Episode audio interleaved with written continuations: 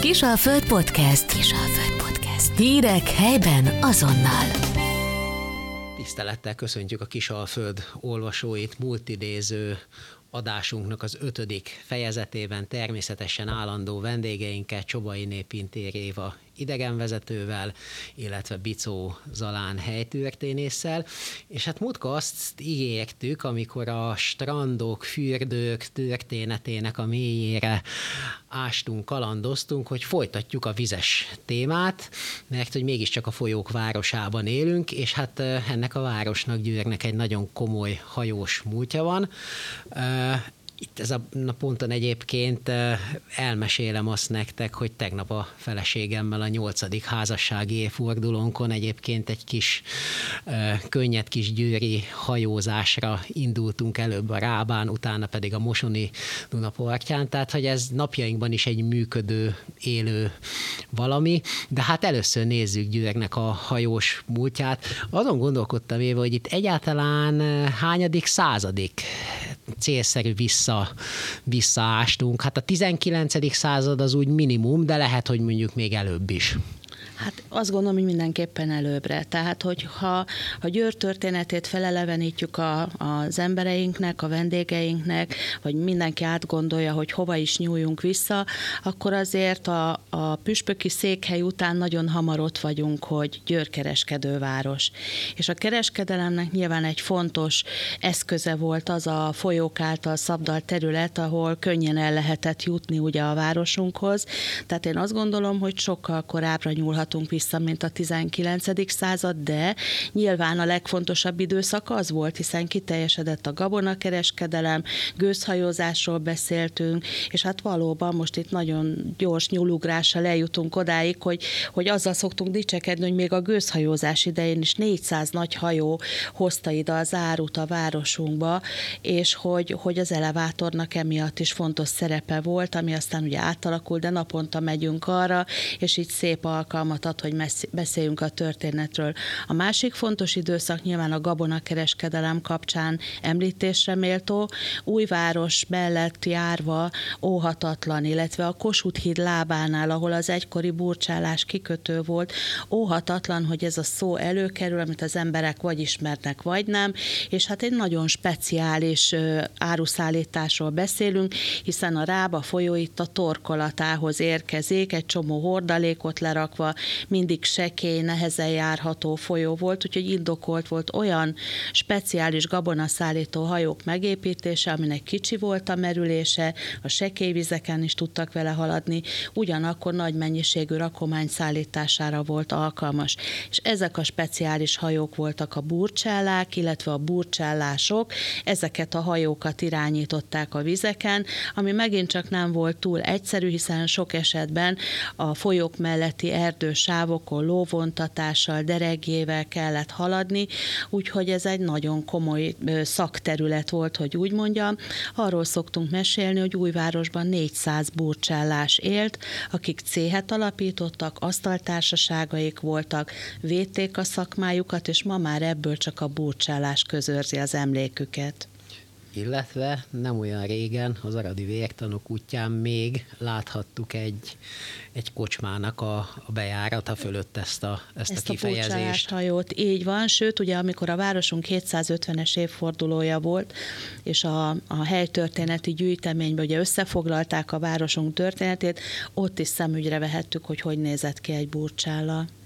Azt jól tudom egyébként, hogy Győr az úgy lett egy Gabonak központ, hogy nagyon tehetséges molnárok dolgoztak itt a, a, a malmaikkal, és hogy alapvetően evéget hoztak ide ennyi, ennyi gabonát, buzát, mert hogy, hogy nagyon jó minőségben őröltek ugye kelet és nyugat között már a török időkben is egy fontos találkozási pont volt Győr, ahol a várfalakon belül meg tudták rendezni a vásárokat akkor is, amikor a törökök ugye három és fél évig itt voltak, tehát az árucsere, a marha kereskedelem, a gabona kereskedelem az régi időkre nyúlik vissza, és ezzel párhuzamosan Timafi László tanulmányaiba valóban olvashatunk azokról a vízimalmokról, amelyek nagy számban voltak itt a Kába, illetve a Mosoni Duna folyón. Arról mesél a, a leírás, hogy a városunk mindennapi zajához, ahova most az autókat soroljuk, meg a dudálást, meg a szirénát, akkor a malmok zakatolása hallatszódott, és valóban az ország minden részéből jöttek érültetni. Hogy ők aztán mennyire kereskedtek akkor ezzel a gabonával, vagy vitték haza nagy örömmel, mert jól sikerült az ördlés, ez egy másik történet.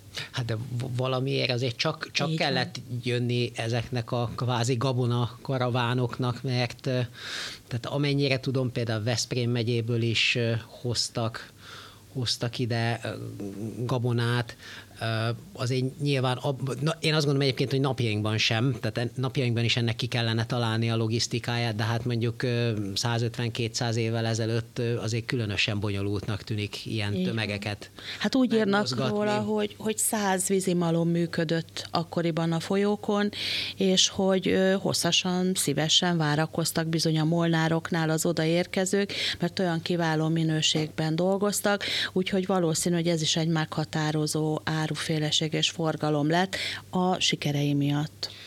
De lehet, hogy Zalán mást is hozzátesz. Így van, Zalánnak... Annyi, hogy a kötött pályás Igen? közlekedés ugye nem volt, és akkor a, folyó, a folyón való szállítást tudták leginkább használni, ugye, tehát ez volt, ezért volt Győr egy nagyon prosperáló város is.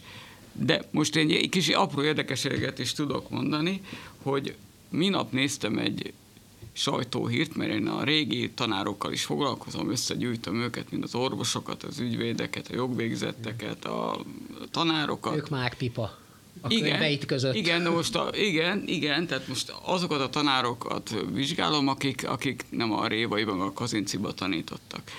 Most kicsit bonyolult, ahogyan most elkezdtem, de egyszerűbb. Volt egy fő, fő gimnáziumi, tehát a Cucor, Cucor Bencés gimnáziumban tanító francia és torna tanár úr, aki sajnos, ugye most a vizekről is beszélünk, 1894. május 20-án belefordult a feleségével együtt a, a Réfalusi hídnál a, a Dunába, és sajnos ugye mindketten oda vesztek. No, de most kanyarodok rá a témánkra, Másnap hozták a híreket, és közben egy elég jó térképet is odaraktak, hogy hol volt a tragédia, mi hol található, és ott azon a kis győri hírlapban megjelent térképen a gabonaszállító hajók 1894-ben a hajók helyei sematikusan ott voltak. Tehát ott volt, a, ahol megtörtént a tragédia, ott volt a réfaluséd, és ugye az elevátornál ott voltak a, elhelyezve sematikusan a hajóábrák. Tehát 1894-ben, amikor már majdnem a váltás volt, ugye a vagongyár ugye részvényesekkel megindult 1897-98-ba, de még egy olyan, olyan képet is láthatunk, hogy a gabonaszállítás még akkor működött. Tehát ez, hogy hirtelen ehhez így, így tudok hozzá kapcsolni. te is mondtad Zalán. Utána lett iparváros, ugye? Tehát végül is akkor már inkább iparvárosnak. Szerintem sőt. egyébként e- erről is fogunk előbb-utóbb beszélni. Én azt gondolom, hogy el fog jönni az a nap, hogy legyen egy, legyen egy vagongyár napunk. Előbb Zalán, te is említetted az elevátorháznak a nevét, Éva is említette. Mi is volt ez az elevátorház? Ugye napjainkban uh, ilyen már nincsen, de ha jól emlékszem, a 2000-es évek elején még, még létezett Győrben a elevátorház. Annyi az én tudomásom erről az épületről, hogy az 1800-as évek közepetáján Pesten épült elevátor. Ugye Győr a gabona forgalmát tekintve mindig vetekedett Pestel és Komárommal, sőt volt, amikor Győr szerepelt az első helyen, olyan jelentős volt ez, és nem sokkal azután, hogy Pesten megépült ez a gabona raktár, ami az elevátor nevet a benne levő áruszállító szallagokról, liftekről kapta egyébként, utána Győrben is elkészült ez, és ugye úgy terjeszkedett a raktárépület, hogy nem szélességében, hanem magasságában, így ha a régi fotókon megnézzük, akkor látunk egy magas raktárépületet gyakorlatilag, ami kifejezetten gabona raktár volt.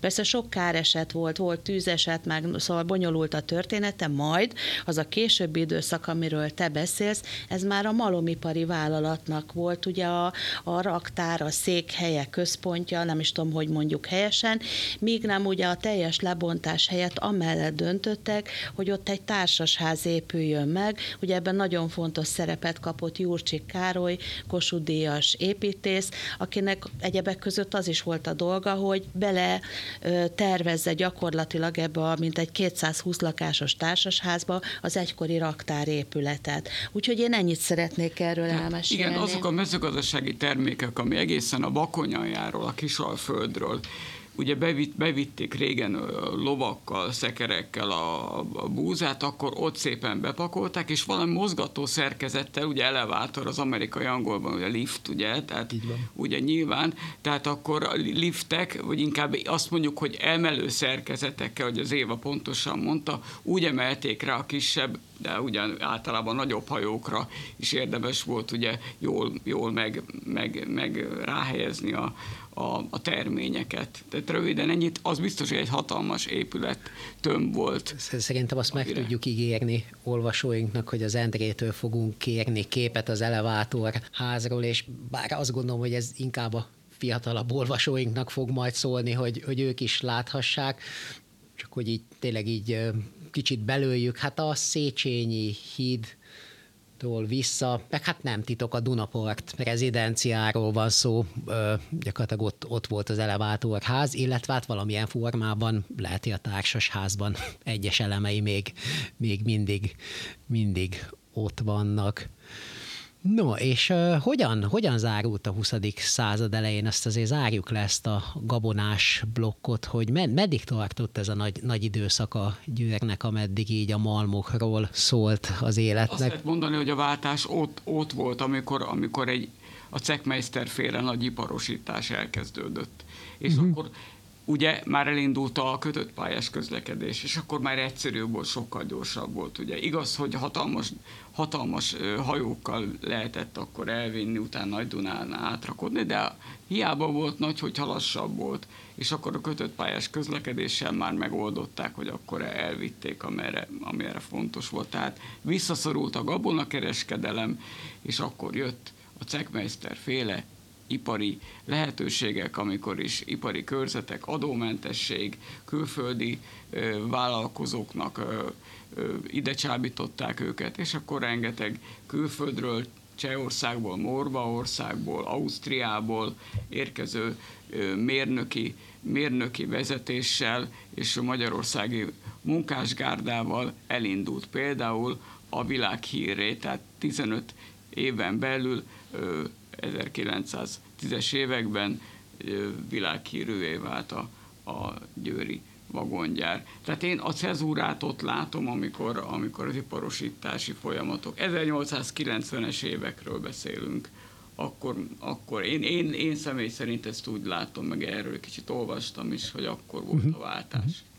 Éva. Igen, én annyival lépnék egy picit még vissza a történetbe, és mi így szoktuk ezt elmesélni, hogy igazán érthető legyen, hogy, hogy Győrben rengetegen éltek a, ahhoz kapcsolódó tevékenységből, ami a gabonakereskedelemhez tartozott. Ebbe a zsákvarástól a raktározásig nagyon sok minden benne volt, olyannyira sokan, hogy még mindig látunk a belvárosban olyan házakat, ahol gyakorlatilag a lakók a saját tevékenységüket is megváltoztatták, és a padlástérben elkezdtek gabonát gabonát tárolni. Tehát, hogy ez egy nagy váltás volt a város életében, hiszen sokan erre ráálltak, hogy ők ezzel foglalkoznak. Viszont amikor elkezdődött az országban a vasúthálózat bővítése, az Győrt nem érintette túl kedvezően, hiszen itt lehetett látni, hogy valami nagy váltásra lesz szükség, mert hogy vagy elvész ez a sikersztori a város történetébe, és nem marad meg már egy gazdag kereskedő városnak Győr, vagy pedig egy teljesen új irányvonalat kell választani. Tehát ez, ez valahol egy kényszer is volt, hogy, hogy lépni kellett a városnak, és ehhez jöttek azok az eszközök, ugye, amiket Zalán is kiemelt, hogy egyrészt olyan polgármester, vagy, vagy akár Baros, ugye, mint, mint a város önkormányzati képviselője, vagy országgyűlési képviselője, vagy azok a kedvezmények, amivel valóban aztán az ipart le tudták itt telepíteni, hogy elinduljon három fő irányvonal. De most nagyon elmentünk a hajózástól. Komplet Igen. iparfejlesztési Igen. program volt. Azért én azt gondolom, hogy összekötöttük a, a szálakat, de, de ha már váltás, mi is váltsunk szerintem egy nagyot. Ugye hajónak nem csak azt nevezzük, amit motor hajt, hanem, hanem az emberi hajtású csónak, ö, kenu, kajak is gyakorlatilag egy hajó, és hát hogyha már a folyók városának a, a vízi történetét nézzük, azért a vízisportok én azt gondolom, hogy minimum egy, egy szép nagy szeletet adnak ebből. Mikor kezdődött ez Dalán? Tehát a, a vízi, vízi sport az mikor kezdett el gyakorlatilag közösségé formálódni? Hát a város adottságait elég hamar kihasználták, mert már 1877-ben, tehát a kiegyezés után tízesztendően megalakult a győri csónakázó egylet. És ott három embernek köszönhetjük leginkább, akik nem csak hivatalnokok voltak, hanem természetesen sportolók is. Volt a németi Ernő, aki, aki ügyész volt, ő volt a, a csónakázó egylet alapító elnöke, volt a Mihálkovics ö, Tivadar királyi közjegyző, aki 1927-ig élt, és valamint ő volt a, úgymond a, a művezető, de hát a művezetőnek hatalmas feladata volt, ő koordinálta az egész egyletet, valamint volt egy építész, a Hecs Antal, aki pedig, aki pedig a mérnöki teendőket látta el, tehát amellett, hogy ugye sikeres evezők is voltak, tehát ők, ők egy kifejezett sportemberek voltak, a németinek leginkább a balatoni, a Balatóra szokott lemenni, és ott versenyeket szervezett, és meg is nyerte őket, és sajnos egy ilyen mm, verseny közben sajnos megfázott, és akkor mm, őt Balaton, ugye ott is született Balatonfüreden, és Arácson van eltemetve, tehát nagyon fontos kiemelni ezt a két embert, plusz a hegysantalta, és most a napokban volt, a Győri Atlétikai Klub szervezte meg a Mihálkovics németi emlékkupát. Ez egy újraélesztett dolog, mert ez a Győri Atlétikai Klub ugye 19-ben kezdte a működését, tehát mindig voltak ilyen emlékkupák, és ez, ez végül is egy szép kezdeményezés, mindkét személyről elsétányok vannak elnevezve, valamint emléktábla. Utána volt egy másik, másik klub, ami jelentős volt, 1898-ban alapították, ez a Győri Torna és Győri Torna és Evezős Egylet, aminek a székházát én minden nap látom, ugye, a Réfalusi hídnál van egy gyönyörű, gyönyörűen megépített, már most ugye átalakítják, nem tudom hogyan, de át fogják alakítani, biztos szép lesz az is, azt 1927-ben ö, építették meg. Csak hogy, hogy teljesen egyértelműek legyünk, tehát a Rév falui oldalon, a Kálóci téren, ugye, ami van a, Kálóci az a tornyos épület, ahol egyébként annó a, a karanténban még nagy, nagy bulik is voltak, legalábbis a mi, mi generációnknak. Azt az nem tudom, hogy ez... Banketten volt ott például, de gyönyörű szép ilyen bá- báli, bálteremre emlékszem, hogy nagyon szép volt, és a, a, a sajtó is írja, hogy a korabeli, korabeli Magyarországnak a egyik legszebb ilyen sportlétesítménye. A másik, ugye, az pedig a Győri csónak, ez, ez egy egyleté volt, ami, ami az úgynevezett Spartacus csónakház. Pont, ami- pont ezt szerettem volna ami a, kérdezni, Radó, hogy ami a... Radó-szigeten volt, van. ez a két alapegyesület volt, és utána jött a, mondjuk a Győri Atlétikai Klub evezős egylete, akkor később már ugye a vago- vagongyári etónak is alakult. Meg ne felejtsük el, hogy például az iskoláknak is volt különös evezős egylete, például a Főreál iskolának, a mostani Révainak, azt azt az egy, egyletet Rubi Miroszrából nevezték el, aki, aki a Főrál iskolában ö, rajztanár volt, de közben néprajzos is volt, gra- grafológiával is foglalkozott, és megállapította az iskolások között a, az evezős egyletet, de ugyanígy volt a bencéseknél is. Valamint, ne felejtsük el, az iparosoknak, a kereskedőknek is volt egylete. Tehát szépen kihasználták, agyleteket alapítottak arra, hogy minél többen az evező sportban sze- szerepeljenek.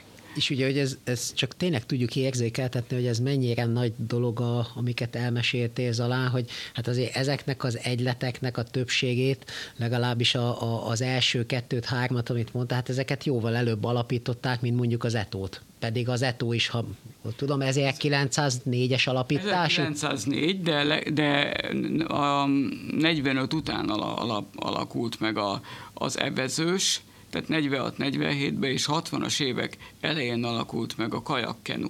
Tehát, ők, tehát az etónak inkább a fotball volt a két világháború között a legjelentősebb. Világos, csak a, csak a foci egyesületnél is gyakorlatilag előbb voltak vízi, vízi klubok Győrben. Igen, igen, igen, igen, igen. De a legjelentősebb a csónakázó egylet volt, valamint volt a Győri torna is, Győri Torna és Evezős egylet, tehát ők, ők nagyon szépen... Hát ugye ez is milyen, milyen érdekes időhit, hogy hát a Spartakus csónakház az, az napjainkban is egy közéleti téma, mert ugye hát tudjuk, hogy a városnak a tulajdonában van, Igen. viszont egyelőre nem sikerült megtalálni azt a, azt a forrást, ami elegendő lenne a felújításához, pedig tényleg egy, egy ékszerdoboz a, a mind a Radó-szigetről nézve, mind a Rába part felől, hát reméljük, hogy előbb-utóbb lesz, milyen lesz vele valami. Van, például az első egylet, amiről beszéltem, annak a tíz éves évfordulójára Miálkovics Tibador összeállított egy nagyon szép kis emlékkönyvet, és abból tudjuk, hogy évente mi történt, milyen különböző versenyeket rendeztek, különböző távban, tehát a, a városban volt 500 ezer, 2000 méteres távok tudtak egymással versenyezni, meg, meghívtak Budapestről, Szegedről csapatokat, tehát egy élénk élet volt, Mi? és még tribünt is állítottak fel a bel- belvárosban. Mint ahogyan napjainkban is. Hát ugye ez a, most azért már egyre több embernek van hajója a Mosoni Dunán, és hát ugye figyelniük kell arra, amikor a, a kajakkenú egyesületből evezősök kiszabadulnak a Dunára, hogy ott, ott azért nyilván valamilyen szinten közösségben kell mozogni. Azt javaslom, van még egy 5-6 percünk, hogy térjünk vissza a hajózáshoz, már csak azért is, mert ugye ez egy nagyon érdekes dolog, hogy a, hogy a 60-as évek elején indítottak egy gőzhajót, vagy lehet, hogy talán az 50-es évek végén, 50-es évek végén, 60-as évek elején,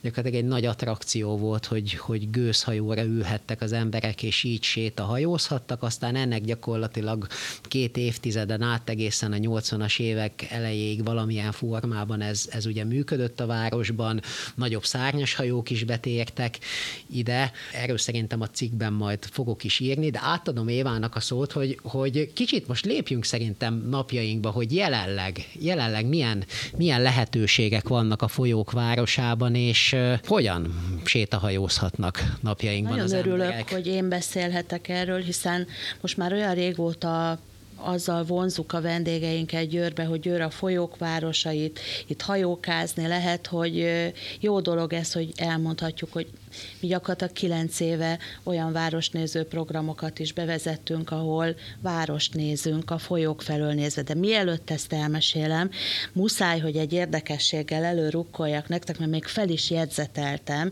és ehhez a motor történethez kapcsolódik, hiszen ezek a hajók ma motorral mennek. Na de képzeljétek el, hogy nekem az ütött szöget a fejembe, amikor ezt elolvastam, az első még fából készült motorcsónak 1911-ben óriási feltűnést keltve jelent meg itt a mi folyónkon, és negyed évszázaddal később 50 motorcsónakot említenek, miközben ugye itt Zalán azokról a sporteszközökről beszélt, ahol bizony keményen nevezni kellett, úgyhogy a motor az már ott volt az 1900-as évek elején, sőt Bécs és Budapest között motorcsónak versenyt rendeztek. Tehát itt minden csak felújítani, felélénkíteni tudunk, és hát persze be kell, hogy valljam, hogy amikor először a hajó felől városnézést terveztem, akkor az összes kollégám tágra nyitotta a szemét, és azt mondta, hogy mi a csodát akarok onnan megmutatni, hiszen Győr összes látnivalója ott van a város szívébe, a gyönyörű tereken, az utcákban, a közökön, és hát egyáltalán árvízvédelmi fal veszi körbe a város egy szakaszát, és a várfa, mit fogunk onnan megnézni? És hát kiderült, hogy azért van létjogosultsága annak, hogy körbenézzünk, hiszen rengeteg történetet nagyon kényelmesen a hajón ülve el tudunk mesélni, hát és közben más más, teljesen más, igen. A... Tehát más egy várost úgy megmutatni, hogy, hogy abból a pozícióból, ahol sose látjuk. Vagy egy olyan tornyot megmutatni, amit a városból nézve nem úgy látunk, mint a folyóról nézve. Tehát én azt gondolom, hogy az egyik felfedezés az az volt, hogy igenis érdemes a várost megnézni a folyók felől. A másik nagy élmény az volt, hogy amikor szép az esti diszkivilágítása a városnak, nem Budapest, nem Párizs, de egy kisváros kategóriába csodálatos élményt nyújt a vízparti sétányokkal, a káptalandomból, a szép hidakkal, nyilván most még újabb építészeti elemekkel is kiegészül a látvány, és hát ennél még több, hogyha egy karnyújtásnyira kiebb megyünk a belvárostól, tényleg két kilométer, három kilométer az a táv, amiről beszélünk, akkor pedig eljutunk akár a Szúnyog-szigetig, ami ugye egy vadregényes környezet, ahova azok jártak, akiknek ott van a kis nyaralójuk, mert hát másképp nem lehetett oda jutni, mint a Pinyédi vagy az újfalui oldalról, és akkor mi most elvisszük oda kirándulni azokat, akik körbejárják, és közben az élővilággal ismerkednek a sziget közzel, a Dunával, a Mosoni Dunával, és ez egy szép élmény. Két tegnap, amikor kalandoztunk Katával, mi a Kovalter felé mentünk, hát ott is Pepitában ugyanez a helyzet, igen. hogy gyakorlatilag el se hagyott Győrt, igen. tehát a Petőfi... Igen, igen, igen, igen, tehát a Petőfi hittől gyakorlatilag ilyen egy-két kilométerről beszélünk, és hogy egyszerűen olyan, olyan zöld lufiba kerülsz, amit, amit szerintem sokan el se, el se tudnak igen. képzelni. Hót családokkal, csodaszép madarakkal. Nutriákkal, madarakkal, kócsaggal, szürkegémmel, tehát én, én lakótelepen nőttem fel, fel, és azt kell, hogy mondjam, hogy, hogy ez nem csak a hozzánk érkező turistáknak egy érdekes élmény, hogy annyi állandó jelzőt hallanak Győrről, hogy ipari város, egyetemi város, barokváros, fesztiválváros, meg minden csuda, és egyszer csak ott vagyunk egy olyan tájon, amiről ők nem gondolták, hogy ennyire közel Győrhöz ezt fogják látni például ez az elvarázsolt kis szúnyog-szigetünk, vagy akár, hogyha a Rábán felfelé megyünk. Annyit, annyit mondogatod itt a szúnyog-szigetet, neked ez a, ez a kedvenced Nekem nagy meglepetés volt. Tehát ugye az emberek az elnevezés kapcsán mindjárt riadoznak, hogy Jézus Mária szúnyogok mi lesz ott.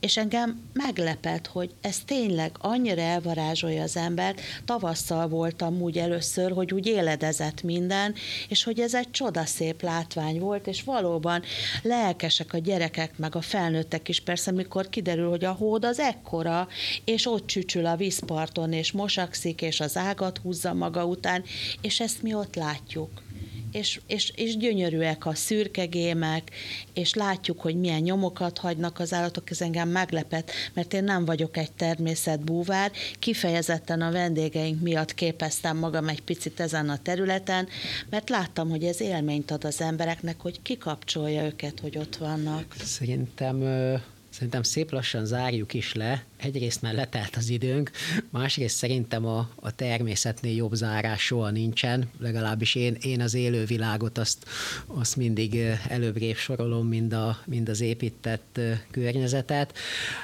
És hát talán legyen az a, az a búcsú mm, szó, hogy, a véget is kicsit tudatosan hoztuk ezt a, ezt a győri hajós beszélgetést, mert hogy, hogy ez egy nagyon komoly lehetőség jelenleg a városban, és hát reméljük, hogy egy-két éven belül nagyon szépen fejfejlődik, és, és hogy nem csak a köznyelvben lesz benne, hogy a, a folyók városa, hanem ez, ez tényleg élettel fog megtelni, úgyhogy ezzel búcsúzunk. Köszönjük szépen a figyelmet!